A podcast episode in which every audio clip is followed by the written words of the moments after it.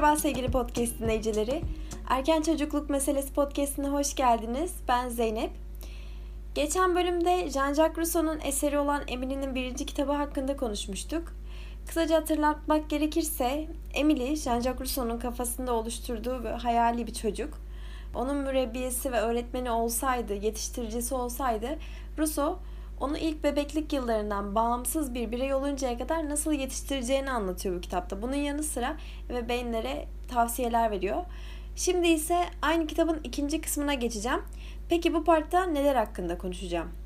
Rousseau yine bu kitapta diğer kitapta da bahsettiği gibi yanlış ve doğru yetiştirme şekilleri, ebeveyn tutumları, olması ve olmaması gereken davranışlar, çocukları acı ile yüzleştirmek, çocukların öğrenme biçimleri, bunların yanı sıra çocuklarda bazı kavramların, örneğin mülkiyet, ceza, cömertlik kazanımlarından bahsediyor.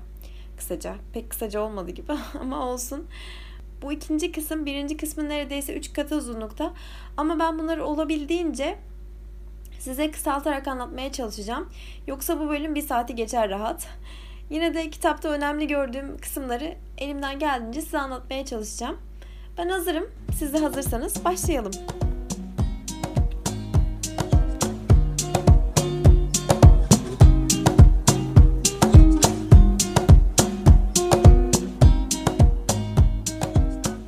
Kitabı girişte söylediğim şekilde kategorize ederek anlatmaya çalışıyorum. Kitabın akışına göre gidecek olursam anlattığım şeyler birazcık dağınık oluyor açıkçası. Bu nedenle ben kendimce bir araya getiriyorum, e, kategorize ediyorum ve burada sizlere anlatmaya çalışıyorum. Bu nedenle ilk önce kitapta geçen yanlış ve doğru ebeveyn tutumlarından ve çocukları yetiştirmede olması gerekenler ve olmaması gerekenler kısmından başlamak istiyorum. Diyor ki Rousseau, çocuklar konuşmaya başladıklarında daha az ağlar. Bir dilin yerini bir başkası alır. Evet, bebekliğin ilk yıllarında çocukların ihtiyaçlarını dile getirme yöntemi budur biliyoruz ki. Altlarını ıslattıklarında ya da acıktıklarında ağlarlar. Konuşmaya başlayan çocuk ise elbette daha az ağlayacaktır. Çünkü derdini dil yoluyla anlatabilecektir. Ancak devam ediyoruz o. Eğer çocuk narin ve duyarlı ise doğası gereği yararsız ve sonuçsuz çığlıklar atarak yok yere bağırmaya başlarsa ben az sonra bunun kaynağını kuruturum. Düşse, başı çizse, burnu kanasa, parmaklarını kesse, çevresinde telaşlı halde dört dönecek yerde hiç olmazsa bir süre dingin kalırım. Çünkü telaşım onu ürkütmekten başka bir şey yaramaz. Daha önce eminim ki bunu çevrenizde görmüşsünüzdür siz de örneğini.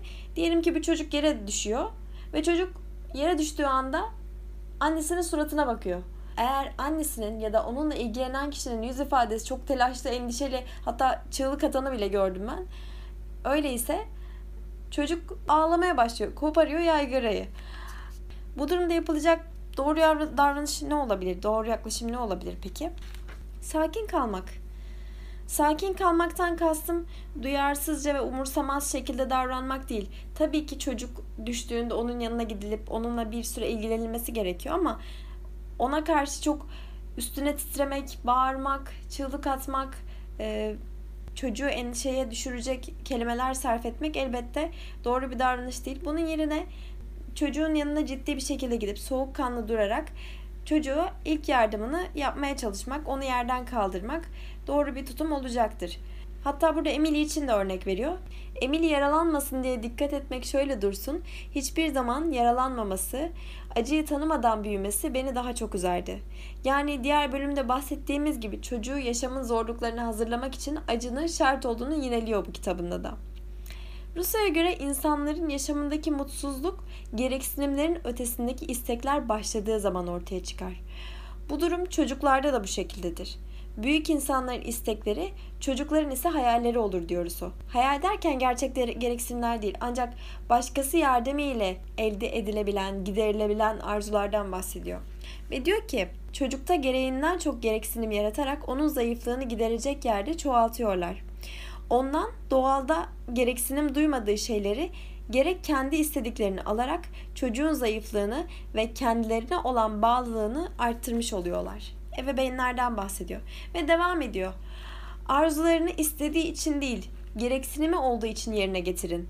Bir şey yaptığında karşıdakinin boyun eğdiğini sanmasın, söz geçirdiğini sanmasın diyor. Yani gereksinimlerinin bir başkasının yardımıyla yerine getirildiğini anlamalı. Yani zayıflığının farkında olmalı diyor Rousseau. Bu durumda kendi özgürlüğünü elde etmek için gereksinimlerini kendi başına gidermeyi öğrenecektir. Bu şekilde mesela çocuğun kendi başına yapabileceği davranışlarda ebeveynlerin ısrarla çocukların yerine işleri yaptığını görüyoruz. Yemek yemek olsun, giyinmek olsun. Bu durumda çocuklara özgürlük tanımak gerekiyor. Aynı bir şeyleri öğrenirken kendimiz nasıl deneye deneye tekrar tekrar yaparak öğreniyorsak mesela ben bu podcast yaparken öyle öğreniyorum. Çocuklar da aynı şekilde. Çocuklar da bu şekilde öğreniyor. O yüzden bırakalım da yapmak istedikleri gereksinimlerini kendileri karşılamayı öğrensinler. Buyurgan olmasınlar diyoruz o. Özgür olmaya çalışsınlar diyor. Ardından eğer buyurgan bir çocuk olursa hayatta karşılaşacağı senaryoya şöyle bir örnek vermiş. Elde etmek için istemekten başka çaresi olmayan çocuk kendini evrenin sahibi sanır. Tüm insanları kölesi gözüyle bakar ve sonunda bir isteği geri çevrilmek zorunda kaldığında bu geri çevirmeyi bir saldırı olarak kabul eder. Yapılan iyilikten minnet duymaz ve her karşı koyma durumunda öfkelenir. Burada verilen örnekle aslında çocukların her istediklerine daha doğrusu gereksinimlerinin fazlasını veren ebeveynlerin aslında uzun dönemde çocuklara zarar verişini göstermiş oluyoruz. Bu şekilde yetişen çocukların ilerleyen dönemde topluma karıştıklarında her reddedişi nasıl algılayacaklarını, nasıl davranacaklarını tahmin edersiniz. Ve son olarak Rousseau diyor ki bunca alışılmamış engel onları usandırır. Bunca hor görme onları küçültür. Korkak, çekingen, dal kabuk olurlar. Benlikleri ne kadar üste çıkmış ise o kadar alta iner diyor. Yani ebeveynler çocukların isteklerini değerlendirmeli. Gerçekten gereksinimi olduğu için mi istiyor? Yoksa kendi zevkini, kendi arzusunu tatmin etmek için mi istiyor? Bunu bir düşünmeleri gerekiyor. Çevremde yine bunun örneklerini görüyorum. Çocuğa istediğinden, gereğinden fazla oyuncak alan, gereğinden fazla e, eşya alan ebeveynler ilerleyen yıllarda maalesef ki daha büyük sıkıntılar çekebiliyorlar. Bununla ilgili derin örneklere yani çocukların isteklerinin daha fazlasını vermenin çocuklara vereceği zarar hakkında ilerleyen bölümlerde konuşabiliriz. E, ben kitaba geri döneyim çünkü konu dışına çıkmayı çok istemiyorum.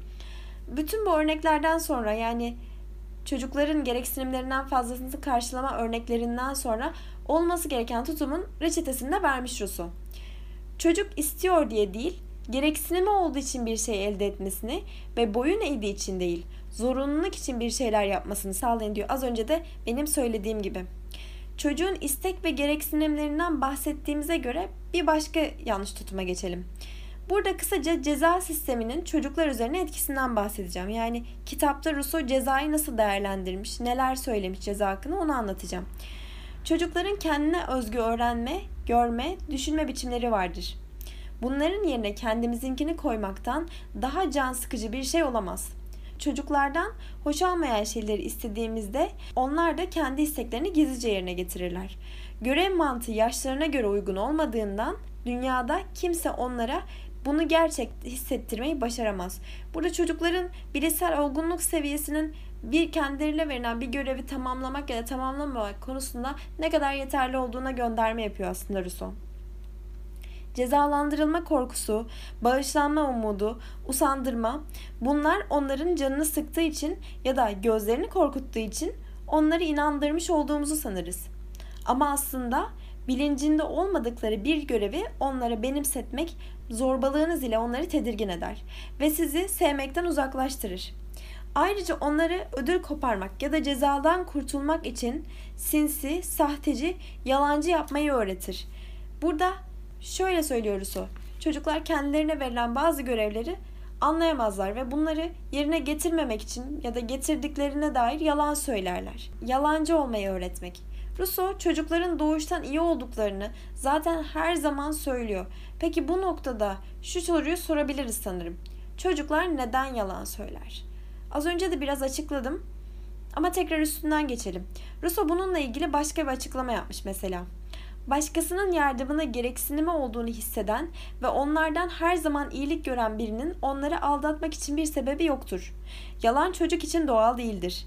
Yalan söyleme zorunluluğunu doğuran şey boyun eğmedir ve bu durum güç olduğu için insan bundan olabildiğince kaçınır. Ceza ve kınamadan kurtulmanın sağladığı şu anki çıkar, gerçeği açıklamaktaki uzak çıkarın önüne geçer.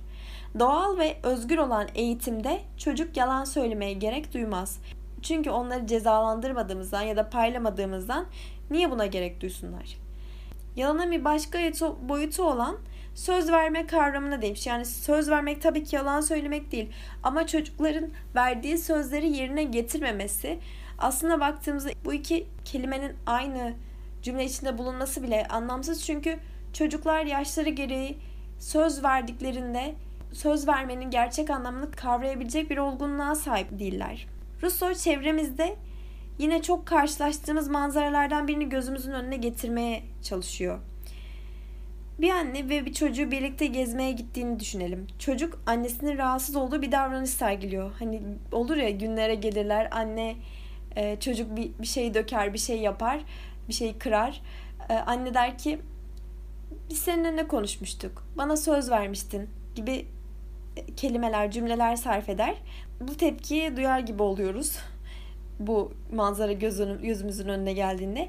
İşte bu noktada çocukların söz verme kavramını anlayabilme, algılayabilme için yeterli bilişsel olgunluğa ulaşmadığını göz ardı ediyoruz.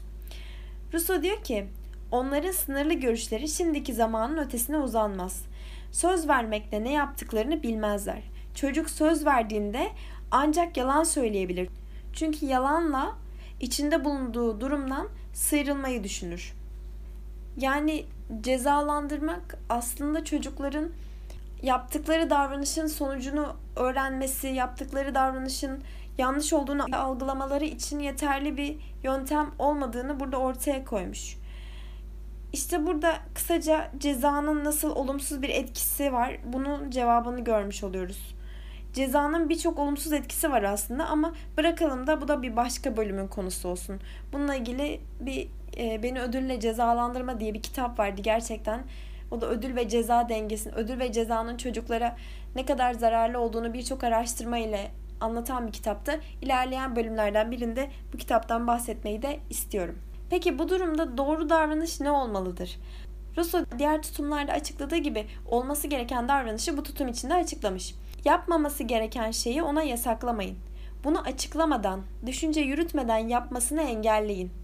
Yapmasına izin verdiğiniz şeyi yalvarma, ricalara gerek kalmadan özellikle koşulsuz olarak verin diyoruz o. Çocuğa sözlü ders vermeyin ve cezalandırmayın. Çünkü o kabahatli olmanın ne olduğunu bilmez eylemleri her türlü ahlak anlayışından yoksun olduğundan ahlak açısından kötü olan ve ne cezayı ne de azarlamayı gerektiren hiçbir şeyi yapamaz. Yani bu durumda onları cezalandırmanın anlamsızlığına değiniyor yine.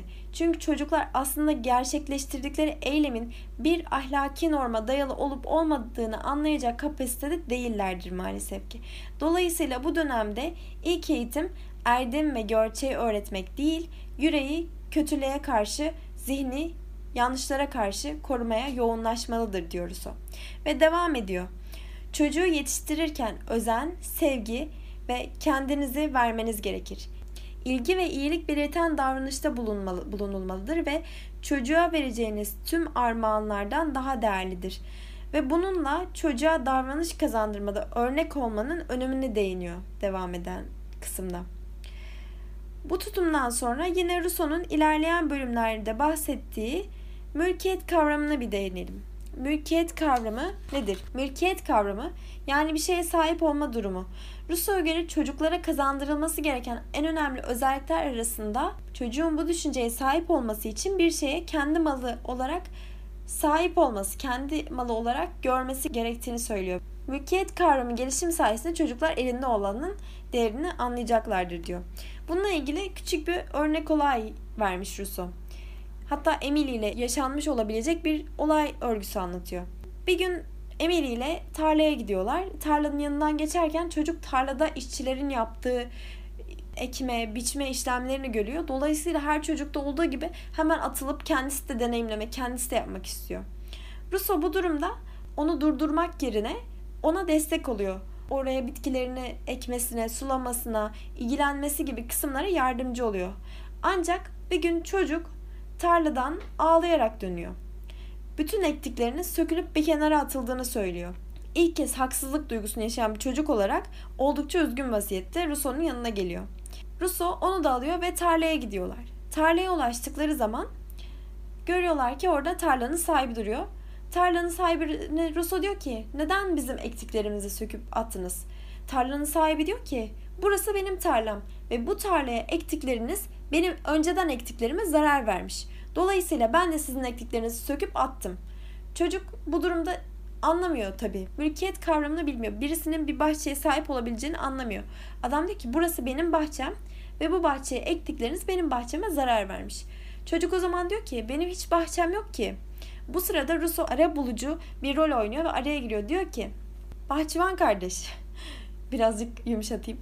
Bahçıvan kardeş sen gel tarlanın bir kısmını bize ver. Ektiklerimizin yarısını da sana verelim. O zaman bahçıvan diyor ki tamam bunu koşulsuz olarak kabul ediyorum. Yeter ki benim ektiklerime zarar vermeyin. Bu şekilde anlaşıyorlar ve çocuk kendine ait bir tarlası olmayı deneyimlemiş oluyor. Yani sözle değil, deneyimleyerek öğrenmiş oluyor. Yani bu yolla Rousseau Emily'ye işgal edenin nasıl hak sahibi olabileceğini göstermiş oluyor ve ekliyor. Çocuklar söylemiş olduklarını ve kendilerine söylenmiş olanı kolayca unuturlar. Ama yapmış oldukları ve kendine yaptırılmış olanı asla unutmazlar. Dolayısıyla mülkiyet kavramında olduğu gibi çocuklara öğretilmek istenilen herhangi bir kavramı da deneyim yolu ile etkili bir şekilde çocuklara kazandırabileceğimizi söyleyebiliriz. Bu kavramdan sonra gelin yine insani değerlerden biri olan cömertlik kavramının nasıl kazandırıldığına dair Rousseau'nun fikirlerine bir bakalım.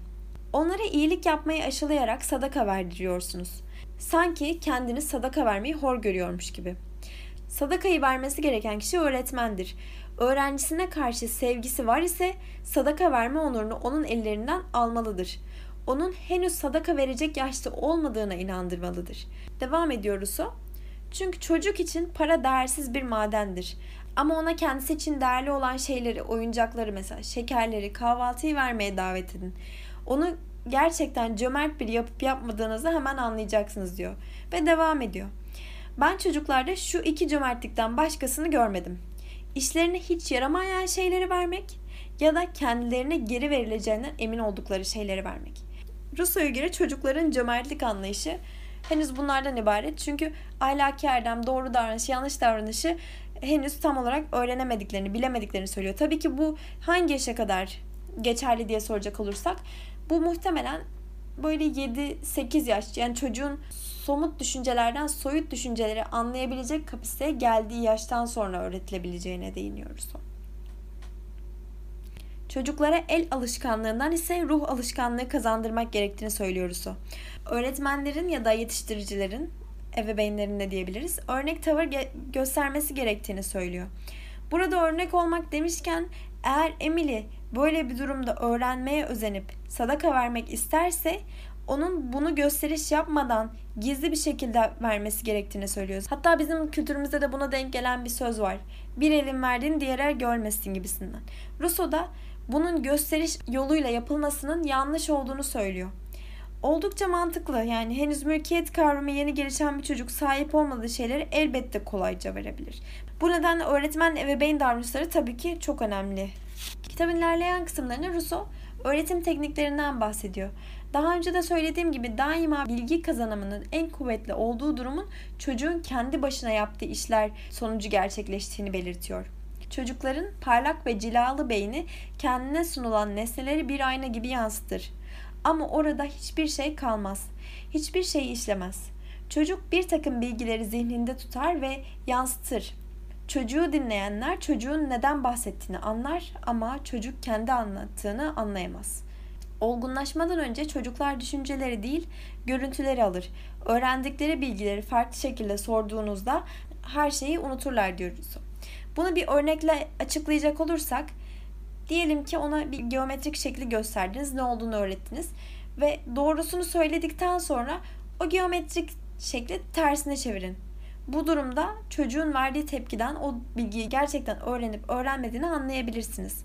Mesela diyelim ki üçgen şekli gösterdiniz. Normal tek kenarı yukarı bakacak şekilde tersine çevirdiğinizde çocuk o şeklin hala üçgen olduğunu söyleyebiliyorsa tamam demek ki çocuk bu kavramı gerçekten kazanmıştır. Ama eğer tökezliyorsa cevaplandıramıyorsa orada çocuğun bu kavramı gerçekten öğrenip öğrenemediğine dair tekrar bir düşünmek gerekiyor. Hatta bununla ilgili bir tane deney izlemiştik daha önce üniversitedeyken. Örneğin iki sıra halinde dizilmiş eşit 10 tane madeni para düşünelim. Yani beşer beşer iki sıra halinde.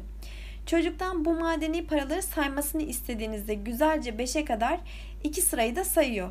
Ancak ikinci sıradaki paraları, paraların arasındaki miktarı biraz açarsanız, uzaklığı biraz açarsanız çocuk hangisi, hangi sıradaki madeni para daha fazla dediğinizde çocuk ikinci sırada yani aralıkları daha çok olan sırayı gösteriyorsa bu demek oluyor ki çocuk sayı kavramını gerçekten kazanamamış. Gerçekten öğrenememiş. Yani durumu hala kavrayabilecek bir zihinsel yapıya sahip değil. Tabi bu durum belli yaş grubuna kadar olur. İlerleyen yaşlar her iki sırada da aynı durumun geçerli olduğunu söyleyebilirler. İlerleyen yaşlarda elbette çocuklar bunun ayrımının farkına varacaklardır. Bu yaşta yaklaşık 5-7 yaşa denk geliyor. Hatta bunun özel bir ismi var. Ee, uzunluk korunumuydu yanlış hatırlamıyorsam. 5-7 yaşta kazanılıyor. Rousseau bu yaşlara kadar gereksiz bilginin öğreniminden uzak durulması gerektiğini anlamayacağı şekilde onlara bilgileri vermenin ileride daha büyük zararlara sebep olabileceğini söylüyor. Bunun ilerleyen bölümünde kitapta Rousseau şundan bahsediyor. Çocuklara gereksiz harita bilgisi, dünya bilgisi öğretmenizin ne gereği var diyor. Diyor ki çocuk için eğer dünya haritasını öğretiyorsanız onun için sadece resimdeki bir küredir. Daha fazlası değildir. Çünkü çocuk onu anlayabilecek seviyede değildir. Bu yüzden çocukların anlayabileceği seviyede olan bilgileri, kitapları ya da kaynakları e, seçmek çok önemli. Bu kitapla ilgili yani bu kısımla ilgili son olarak bahsetmek istediğim kısım ise masallar. Ben küçüklüğümde birçok masal dinleyerek büyüdüm. Siz de eminim ki öylesinizdir. Pamuk Prenses, Keloğlan, Develer, Cüceler, Cinler, Periler. Ya bu liste böyle uzayıp gider. Ama aldığım çocuk gelişimi eğitimi sırasında öğrendim ki aslında masallar davranış geliştirme sırasında çocuğun gelişimine olumsuz etkiliyor. Masalların zararlı olduğu şimdiki zamanda çokça söyleniyor. Ve o zaman bile masalların mantıksızlığına değinmiş gerçekten ileri görüşlü biri olduğunu burada da görüyoruz. Diyor ki Rousseau, masallar büyük insanlara ders verebilir ama çocuklara gerçeği açıkça söylemek gerekir. Gerçeğin üstünü bir örtüyle kapatırsanız çocuklar artık bu örtüyü kaldıramaz ve bunun zahmetine de katlanmazlar. La Fontaine masallarını hepimiz biliriz. Özellikle şu karga ve tilki ile ilgili olanı. Hani karga güzel sesiyle şarkı söylediğini sanırken peyniri ağzından düşürüyordu. Tilki onu kapıp kaçıyordu. Bu hikayenin çocuk açısından nasıl görüldüğüne dair bir açıklama getirmiş Rousseau.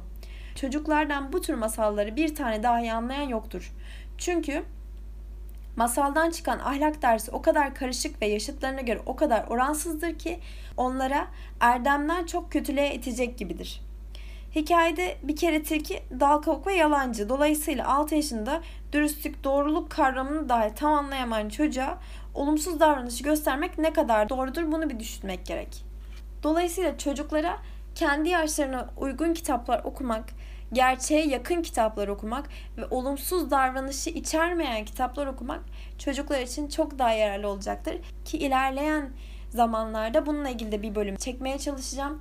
Doğru kitap nedir, neler içermelidir, hangi yaşa hangi kitap daha uygundur tarzında onun da faydalı olacağını düşünüyorum. Masallar da aslında çocuklar için zararlı kısaca. Evet bu bölümde kısaca Rousseau'nun Emily kitabının ikinci kısmından bahsettim. Aslında ikinci kitap bahsettiklerimin dışında kısımlar da içeriyor. Ama ben size elimden geldiğince kısa anlatmaya çalıştım.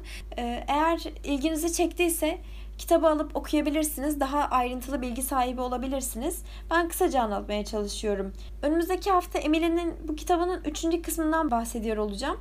Bölümü kapatmadan önce yine bu kitapta geçen ve hoşuma giden bir kısmı sizinle paylaşmak istiyorum. Bizi durmadan kendimizin ötesine taşıyan ve çoğu kez hiçbir zaman varamayacağımız yere yerleştiren öngörü. İşte tüm mutsuzlukların gerçek kaynağı budur. İnsan gibi geçici bir varlığın her zaman o kadar ender olarak uzaktaki bir geleceğe bakması ve üzerinde bulunduğu şimdiki zamanı önemsememesi ne deliliktir. Öyleyse hem kendimizi hem de çocuklarımızı bu çılgınlıktan uzak tutmakta yarar var. Kısaca andaki küçük mutluluklarla yaşamayı öğrenmek ve öğretmek diyebiliriz. Bugünkü bölümün sonuna geldik. Ee, yorumlarınızı, görüşlerinizi ve merak ettiklerinizi erken çocukluk podcast.gmail.com'a gönderebilirsiniz. Sizden gelecek yorumları gerçekten çok merakla bekliyorum. Eğer önerileriniz olursa onlara da açığım.